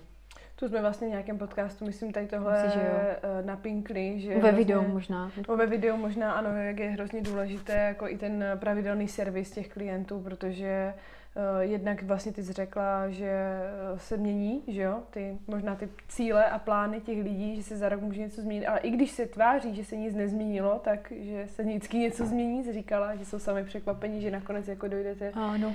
k tomu, že se něco změnilo. A ta poslední ještě, že si vlastně nedokážou Eh, my obyčejní smrtelníci, a budu mluvit i za sebe, eh, uvědomit všechny ty právě ty geopolitické eh, rizika a ekonomické změny, které jsou ve světě, jaké to mm. budou mít dopady na ty naše cíle. Že, mm. že my si můžeme plánovat, co chceme, ale že si nikdy neuvědomíme, že třeba už to není ani reálné, protože se prostě ve světě něco takhle mm. jako mění, jak, jak, jak mm-hmm. jsi řekla. No, takže Jo, jo, jo. Souhlasím. Jo. I součástí těch servisů, těch sůzek je samozřejmě analýza jako vnitřních faktorů, ve smyslu těch emocí, postojů, návyků a podobně, ale taky těch vnějších, samozřejmě to, jak nás ovlivňuje prostě ten svět. E, pak ještě jedna z těch dalších chyb investorů, co mě napadá, tak je takový ten věčný neinvestor-investor, respektive takový ten člověk, co si uvědomuje, že chce nakoupit jako mm-hmm. levně, že si uvědomuje, že když to klesá, tak je dobrá příležitost, mm-hmm. ale stále čeká na to dno. Mm-hmm. A stále čeká. A, a stále čeká. A to jsou vyloženě jako studie a čísla tady těchto lidí, uh, že nikdy nezainvestují. Uh-huh. Protože vždycky bude nějaká výmluva na to, aby si ten člověk obhájil, že ještě bude hůř. Přesně tak. To tak je prostě, bohužel. A uh, mám, mám i takové samozřejmě klienty, kde vedeme různě tady ty diskuze a v podstatě už je vedeme třeba pět let Mm-hmm, a, a stále uh, to bylo, a před pěti lety ještě jako dost, eh, tři, ro, tři roky ještě všechno rostlo, takže o ty tři roky těch výnosů se připravili, ale každý rok to byla přesně ta konverzace o tom, hele, prostě akcie jsou drahé, uh, už to musí dolů. Uh, za, za další rok to bylo, hele, prostě teďka se všechno děje, jo, ještě spočkám, ještě to, to určitě klesne. Teďka jak to kleslo, mm-hmm. no to ne, to ještě není konec, to ještě mm-hmm. bude klesat. Mm-hmm. No možná jo, ale možná do prdele ne. Mm. Takže eh, prostě pojďme si sypat popel jako na hlavu a, a, mm. a jako eh, nesnažit se předpovídat tu budoucnost. Já opravdu jako nechápu, kde se to eh, sebevědomí bere. Mimochodem tady to časování trhu, které se lidi snaží dělat, tak ty čísla nám ukazují, že třeba jako průměrný fond, a teď myslím fakt i ten aktivní, to aktivní zpráva a tak dále, eh, vydělává jako 7-8% ročně, průměrně, fakt jako když ty tam člověk mm-hmm. těch 10-15 let, ale průměrný investor v tom fondu vydělává jenom dvě. Mm-hmm. Protože se prostě furt mm-hmm. snaží jako někde něco prodávat a mm-hmm. nakupovat a, a odkupovat mm-hmm. a vybírat peníze a protože teďka je to moc drahý a, a, mm-hmm. a ještě to klesne dolů a, a já to teďka odhadnu a, a nebudu posílat teďka pět tisíc měsíčně, ale jenom tisícovku měsíčně, mm-hmm. protože to bude mít určitě velký dopad za těch 20 let, tady tam mm-hmm. ta moje analýza, sofistikovaná. Mm-hmm. Uh, no, takže trošku to jako dávám do nadsázky nebo bagatelizuju, ale uh, ty čísla jsou prostě jasný, no. Jako neinvestor, nebu, bude neinvestor stále, no. Bude čekat na dno. Mm-hmm. Uh, no, totiž neumí dohadnout jako nikdo. Jako fakt nikdo. A v momentě, kdy to dno nastane, tak už je pozdě na to do toho nastoupit, protože v ten moment se ukazuje, že ty trhy jako rostou mnohem rychleji, takže nastoupit do toho jako rychlíku uh, by se mohlo neoplatit, protože už to nakupuješ dráž. Mm-hmm. Tak jsme se Kači bavili, uh, třeba o těch dluhopisech, tak když se budeme bavit zase o akcích, tak jaké jsou různé možnosti investování do akcí? Protože to se určitě taky bude nějakým způsobem uh, různit. Mm-hmm. Jo.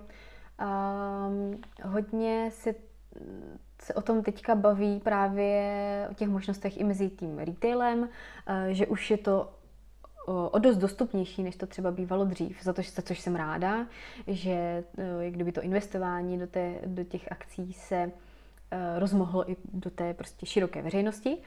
A bohužel s tím samozřejmě se pojí i různé to, i ten informační disbalans a, a podobně. A já bych možná uvedla celkově to investování do akcí uh, jako záležitost, která je pro mě, jakožto poradce, stále jako nejspolehlivější, uh, nejvýnosnější aktivum na dlouhodobém měřítku. Mm-hmm. A to z toho důvodu, že dokud prostě žijeme ve světě, kde uh, vládne kapitalismus, kde prostě jsou firmy, které vyrábí zboží, služby, produkty a podobně, tak do té doby je to tohle aktivum prostě nejspolehlivější v podstatě v dlouhodobém měřítku i nejkonzervativnější mm-hmm. investování. Víceméně Warren Buffett taky řekl, že jsem konzervativní a proto investuji do akcí. Že? Mm-hmm. A, ale nepopírám samozřejmě, že jako nemůže nastat, už jsme se o tom mluvili skrz to sci-fi, že jako padne kapitalismus, že? To jako... Kdo ví? Kdo ví, různí samozřejmě zastánci kryptoměnového světa, tak tohle jako naznačují. Já nepopírám ani nezastávám prostě ani jedno, stát se fakt může cokoliv, ale dokud žijeme tady v tomhle světě, tak do té doby prostě budou akcie nejspolehlivější. A jo, jsou různé formy, jak se do toho dostat přes eh, jak kdyby jednotlivé, investování do jednotlivých akcí, to znamená, že ty se přihlásíš na nějakou platformu, eh, kde si vybereš právě teď podle čeho, že? Podle svého vnitřního pocitu, že máš rád Netflix a Facebook, tak mm-hmm. si mhm. prostě vybereš, že si koupíš jejich akcie, můžeš si koupit libovolné množství a každý den prostě si přihlašuješ do té aplikace a koukáš to, co s tím dělá. Mm-hmm. Riziko už jsme tady možná k tomu zmínili. Prostě je to obrovský koncentrovaný riziko, pokud si vybereš, já nevím kolik, 4, 5, 20 firm, to je v podstatě úplně jedno. Je to obrovská Eh, koncentrace do jednotlivých firm, kterým věří, že tady budou i za 20 let. Uh-huh. Na to už jsem hodně opatrná, protože jsem viděla analýzu nebo studie, myslím z roku 2000, eh, kde vládlo světu vlastně čtyři obrovské jako konglomeráty. Myslím, že to byla nějaká AIG, konglomerát Cisco. Prostě firmy, které když teďka řeknu, tak ti nic neřekli, že? No, no a moc ne, no. No, no moc ne. a jsme po 20 letech, za 22 let mm-hmm, v podstatě. Mm-hmm. Takže jako před 20 lety tady byly nějaké čtyři obrovské firmy, které měly největší tržní kapitalizaci a už tady nejsou. Mm-hmm. Respektive jejich akcie mají hodnoty jako minimální. minimální. Mm-hmm. Uh, takže jsem velice opatrná i na tady tyhle příběhy velkých uh, firm jako Facebook, prostě Google a tak. Já taky nevěřím, že by to jako nebyly. Neumím si pořád představit tu mm-hmm. budoucnost, že tady nejsou. Mm-hmm. Ale umím si představit, že se to neumím představit a tím pádem prostě něco takového může nastat. Uh, takže to je jedna forma. Uh, pokud to ale i kdyby klienti chtějí dělat, tak eh, jim nebráním. Je to něco, kde se zase člověk jako naučí třeba zvládat trochu ty emoce a podobně, mm-hmm. ale fakt v té míře toho gamblingu, to znamená jako 10% toho mm-hmm. majetku. Mm-hmm. A to, kde tu filozofii máme a kam to směřujeme, tak je vlastně přes otevřené podílové fondy, eh, kde se nabízí eh, v rámci jednoho fondu, tak se nabízí, nebo do jednoho fondu, které má určité zaměření, tak portfolio manažer vloží průměrně asi třeba 100 firm. CCA, mm-hmm. může být 70, mhm. může to být 150. A to dodává to extrémní rozložení rizika, když co, když jako krachne jedna firma, tak ti to v tom tak, fondu je ano, úplně jako jedno. až tak moc, jasně. Um, a, ne, a v tom portfoliu typicky jako mývám od pěti až třeba po nějakých jako deset eh, fondů. Takže si to vynásob prostě 100 firmama uh-huh. a máš portfolio, kde máš prostě 500 eh, tisíc firm.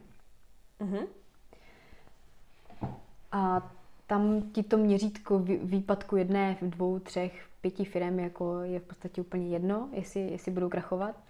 A to nám dodává vlastně tu, tu spolehlivost na tom dlouhodobém horizontu.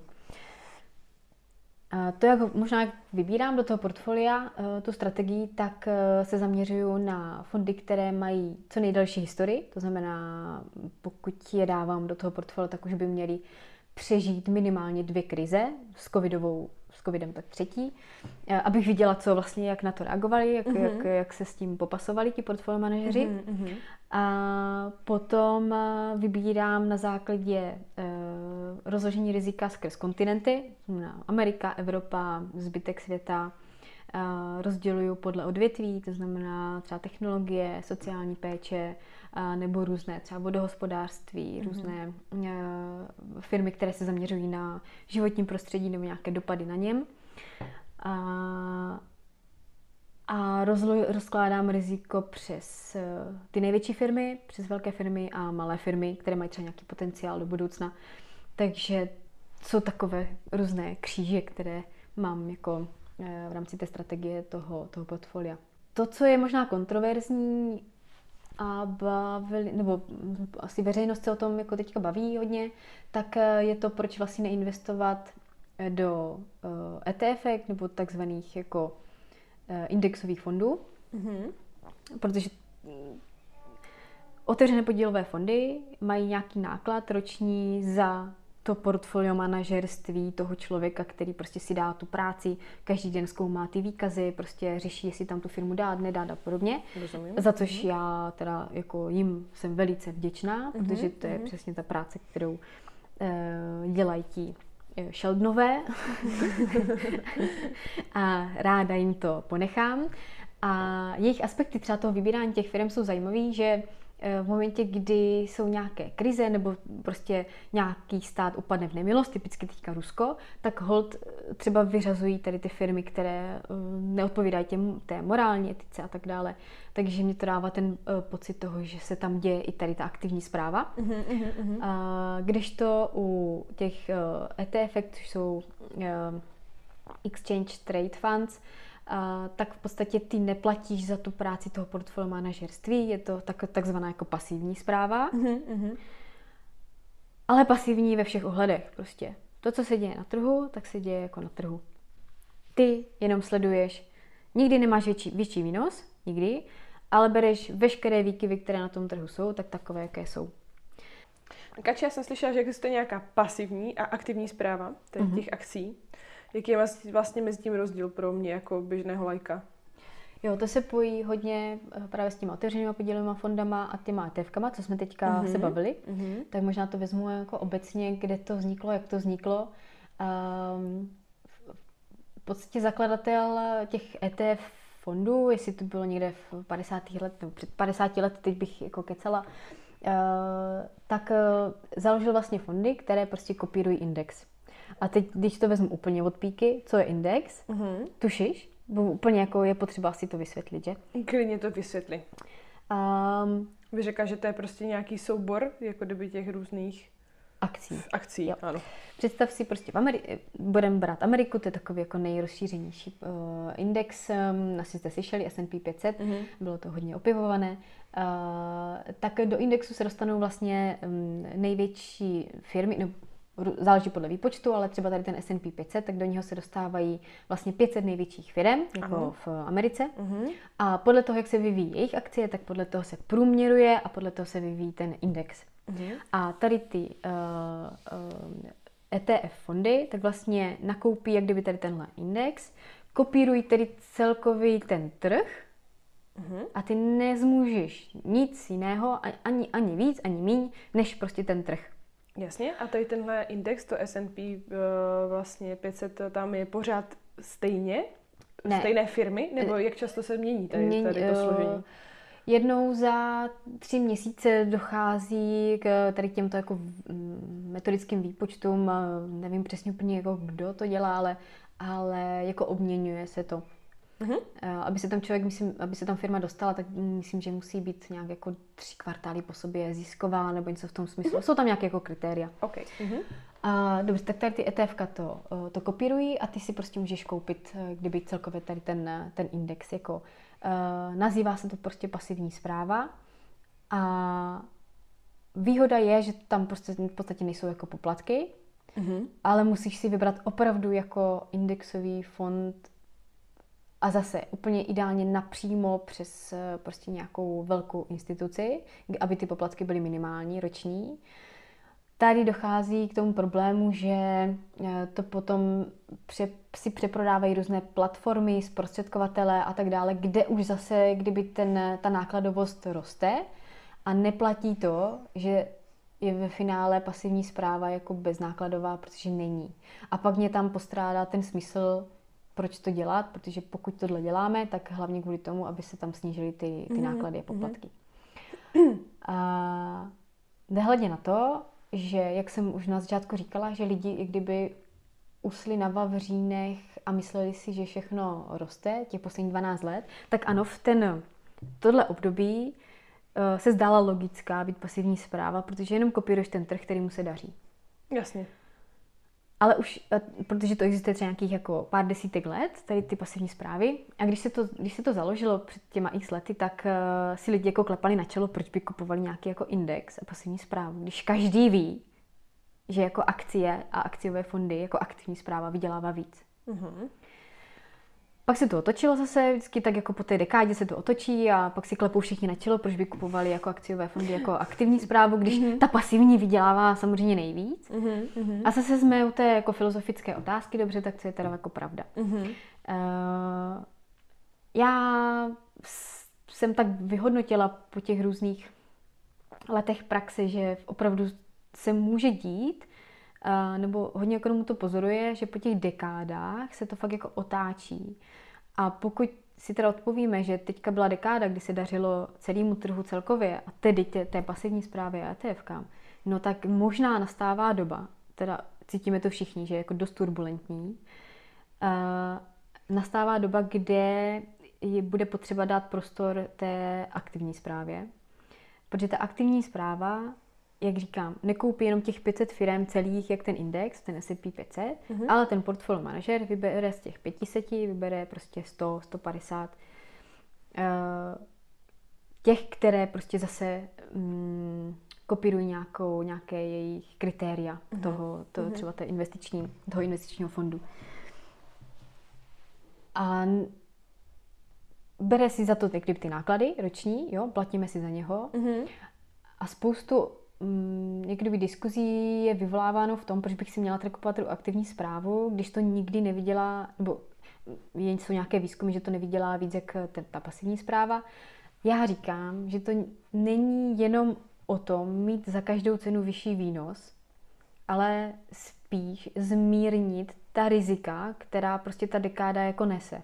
Mm-hmm.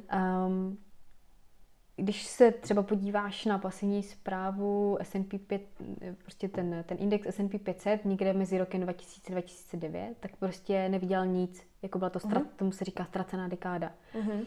A byly aktivní fondy, nebo aktivní zpráva má za úkol um, zmírnit ty negativní dopady té krize v tom tvém fondu, uh-huh. abys ty nesledovala to, že ti někde něco vyklesává až na 70%, teda až 80% tvýho majetku, ale aby ti to zmírnilo tak, že máš třeba propad jako 20-30%. Mm-hmm. A to vidím typicky teďka uh, před, uh, teď jsem měla klienta na, na servise a my v tom portfoliu celkově u těch, uh, u těch akciových fondů uh, máme minus 7% od začátku roku, mm-hmm. kdy bylo Eh, na S&P 500 minus 20 nebo minus 30 mm-hmm. To je ten reálný dopad.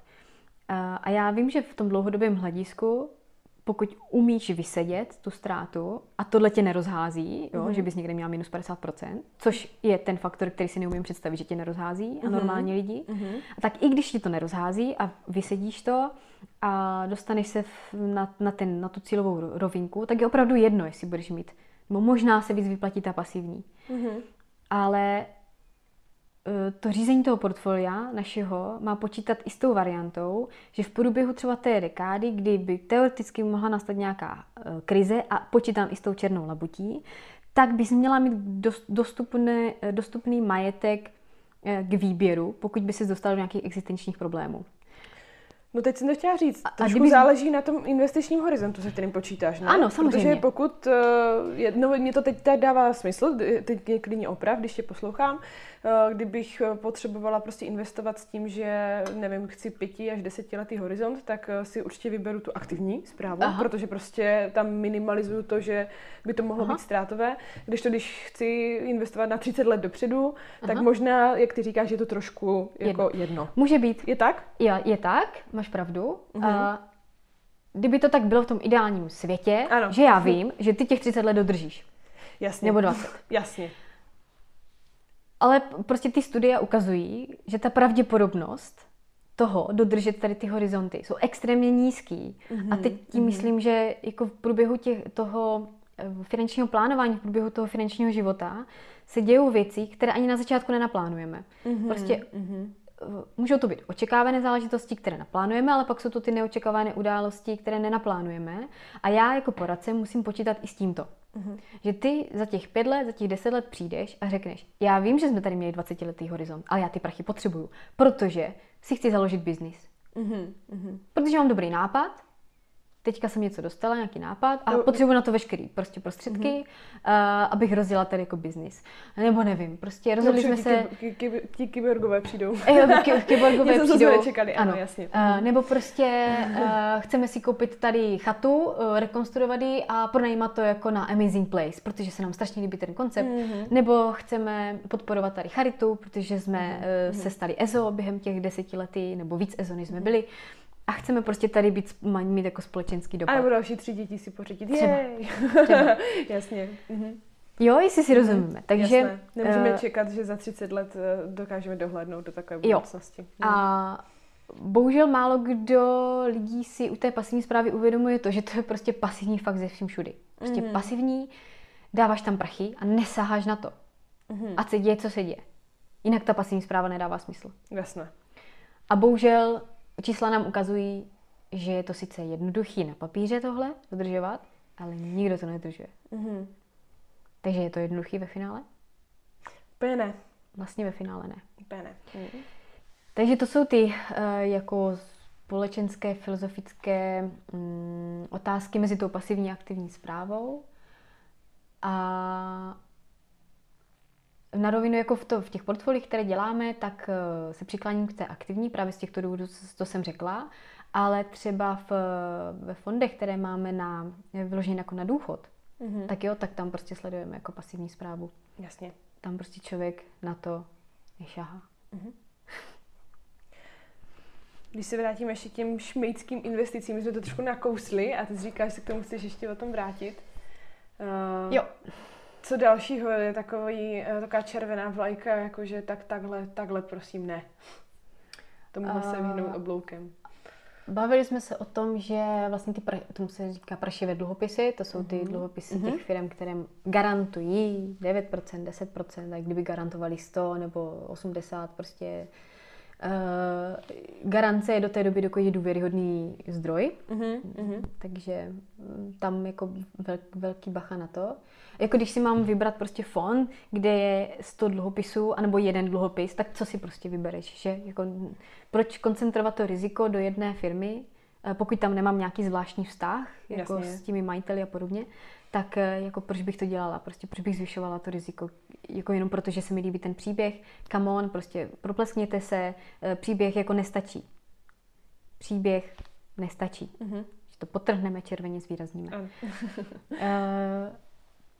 Pak se tady rozmohli, je to, mm, nevím, jestli třeba retail se k tomu dostane, ale často to může být nějaké investování přes paragraf 15.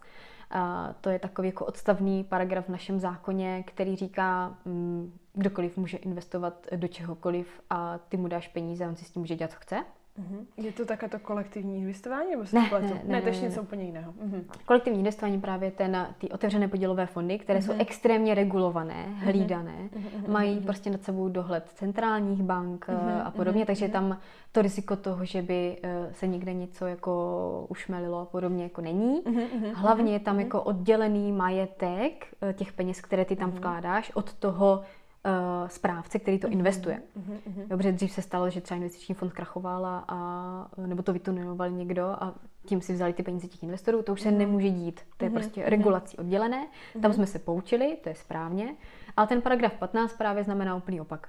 Mm-hmm. Ty dáš někomu něko, a teď vyloženě jako někomu, jo? To může být mm-hmm. člověk, který vystudoval tady chemickou školu a, mm-hmm. a řekl si, že bude investovat někde doma u svíčkových grafů a řekne, hele, dejte mi peníze, já vám to zhodnotím. Mm-hmm.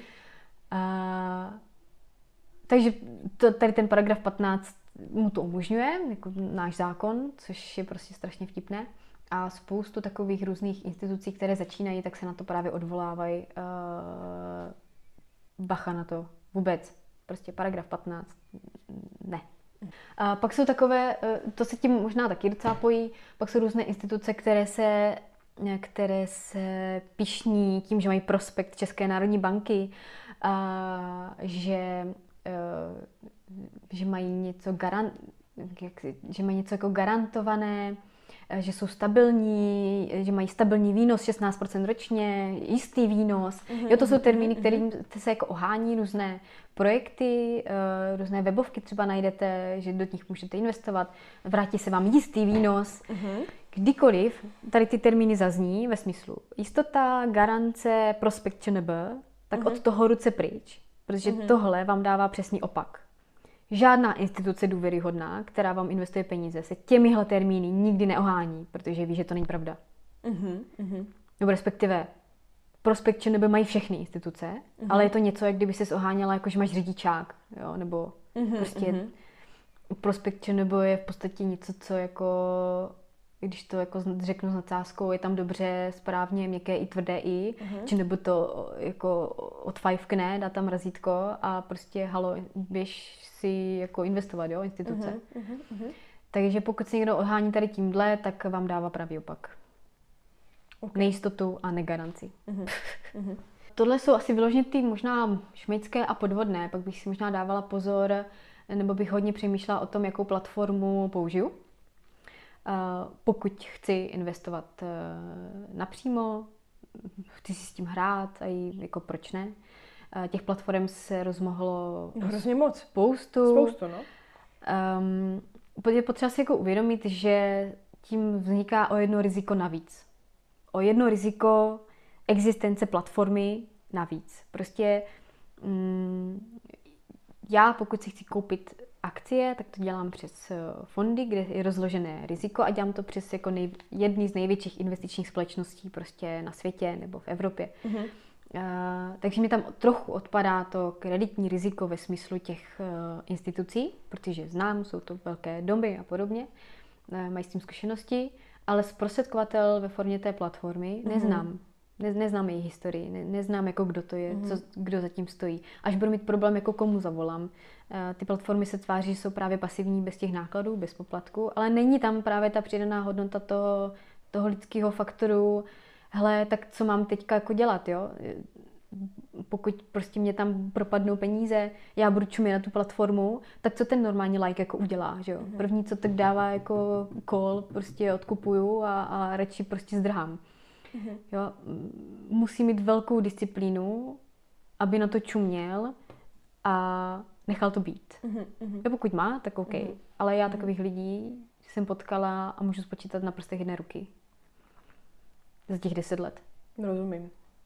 Uh, no a pak uh, prostě i platformy krachují, že jo? Neznamená to, že vy byste přišli o ty peníze, mm-hmm. protože to je taky oddělené, jako vy jste majitelem těch akcí, jste zapsaní v centrálním depozitáři cených papírů a podobně. Ale jako nechceš to řešit. Jakože, mm-hmm. a co je prostě a i uh, Sberbank, když zkrachovala, tak taky ti lidi měli samozřejmě nárok na ty peníze, ale ne, nechceš to v tu chvíli řešit. Uh-huh. Nechceš prostě stát v obchodě a ne, nebýt schopná jako zaplatit uh-huh. uh, a čekat prostě, nevím, jak dlouho čekali, měsíc, uh-huh. dva, tři na peníze. A když tam máš celou, celý rozpočet domácnosti, no, tak jako máš operativní problém. Uh-huh. Máš na to nárok dle zákona, ale máš o, sakra operativní problém. A pokud ti zkrachuje nějaká platforma, kde máš celoživotní úspory, uh-huh jako fakt je svěříš jako na 20 let? Nebo na 30 mm. let na nějaké platformě? Jako těch platform se tady vyrojila k houby po dešti a, a prostě budeš to přelívat každý dva roky do platform, které budou existovat, nebo jako jakým způsobem to budeš dělat? Některé poznáš, která platforma je, jako, dejme tomu, Nepozna, spolehlivá ne, a která ne, nespolehlivá? Nepoznáš. nepoznáš historii. Mm-hmm. Prostě tím, že se prokážou tím, že tady jsou, budou dlouhodobě. Jasně, dlouhodobě. Mm-hmm. Až tady budou dlouhodobě, převezmou třeba nějaký částečně úkol investiční společnosti a podobně, tak OK, tak mm-hmm. prostě půjdu, budu je používat s klientama, úplně jako nemám s tím problém, ale není to ověřený a není to teď v tom případě ta moje strategie jako u klientů. Uh-huh. Tak pojď ukázat Kači, že Kovářová kobila nechodí bosa. a na závěr tady toho podcastu uh, bys nám mohla říct, jak ty máš rozdělené to portfolio, čemu ty věříš. Samozřejmě znova bychom mohli připomenout, že je to individuální, tady to nastavení, uh-huh. ne, že teď všichni se poženou a udělají uh-huh. to stejně jako ty. Ale vůbec třeba pro představu, jak přemýšlíš ty a jak máš rozdělené uh, ty své finance do těch různých hromádek a jak to prostě vidíš ze svého vlastního opravdu hlediska, jak to opravdu máš. Mm-hmm. Uh, jo, já jsem transparentní, jako, takže to klidně eh, odhalím. Uh, mám největší část majetku mám v akciové složce, jakože v, normálně v otevřených podílových fondech, přesně ty, co doporučuji jako všem klientům, takže si to hlídáme. Mám tam možná tak jako dvě, dva takové fondy, které nedávám, protože mě jenom zajímá, co budou dělat. Uh, takže tak jako ze zvědavosti. A potom uh, mám jako koncentrované riziko do akcí jako partners, mm-hmm. je, ale tím, že mám, tím, že jsem jako zaujatá jako interně, tak uh, to i doporučuji klientům, když mají možnost ve firmě si koupit akcie, tak je prostě koupit. Takže Jasné. tam mám jako druhou největší část. To by bylo divné, kdyby člověk pracoval pro firmu a nevěřil jí, že No, tak přesně. Takže, takže tam, tam mám velkou důvěru. A potom mám uh, nějaké kryptoměny, nebo nějaké, v podstatě mám bitcoin, jenom, ale jako v podstatě asi ne ani jako v 5% mm-hmm. toho portfolia. Zase stejně chci vědět prostě, co to dělá, jak to dělá, proč to dělá. Mm, zbytek uh, mám v podstatě na spořácích, jakože um, rezervu, jelikož to kopíruje jako moje potřeby, které byly před rokem svatba, vybavování bytu, miminko, Uh, takže já jsem si sama sobě poradila, hele, prostě nějaký zásoby tady musí být. A nehledě na to, že mám trošku jiné jako řízení uh, firmy, náklady na firmu, tím pádem si tam musí dělat nějaké rezervy dostupné a likvidní, takže si nemůžu úplně teďka dovolit prostě zainvestovat jako úplně všechno. Uh-huh, uh-huh. Takže tak. Super, tak děkujeme. Upřímnost na Co dodat? Myslím si, že to byl uh, samozřejmě velmi dobře vyčerpávající podcast. Já mám teda hlavu trošku jako balon. Já doufám, že posluchači ho mít nebudou. Ne pozitivní balon, protože eh, tady to připomenutí si myslím, že je hrozně důležité. Tak eh, já dám nějakou laickou radu a ty vylepšíš na závěr. Uh, dobře, zkus. Zkusím to. Takže já jako lák říkám všem posluchačům, investujte, ale investujte chytře a nebuďte tak sebevědomí, abyste si mysleli, že to zvládnete sami radši si najděte finančního kouče, který se váma opravdu dobře rozklíčuje, jaké jsou vaše finanční cíle a dá vám tady to odosobnění se od těch financí, které je hrozně důležité. Mm-hmm. Tak to je moje rada. Já myslím, že to Lecky řekla naprosto profesionálně. Co bys dodala? A uh, já bych jenom dodala, že investovat informovaně a s pokorou. Super. Tak se mějte hezky. Mějte se hezky. Čaute. Ahojte.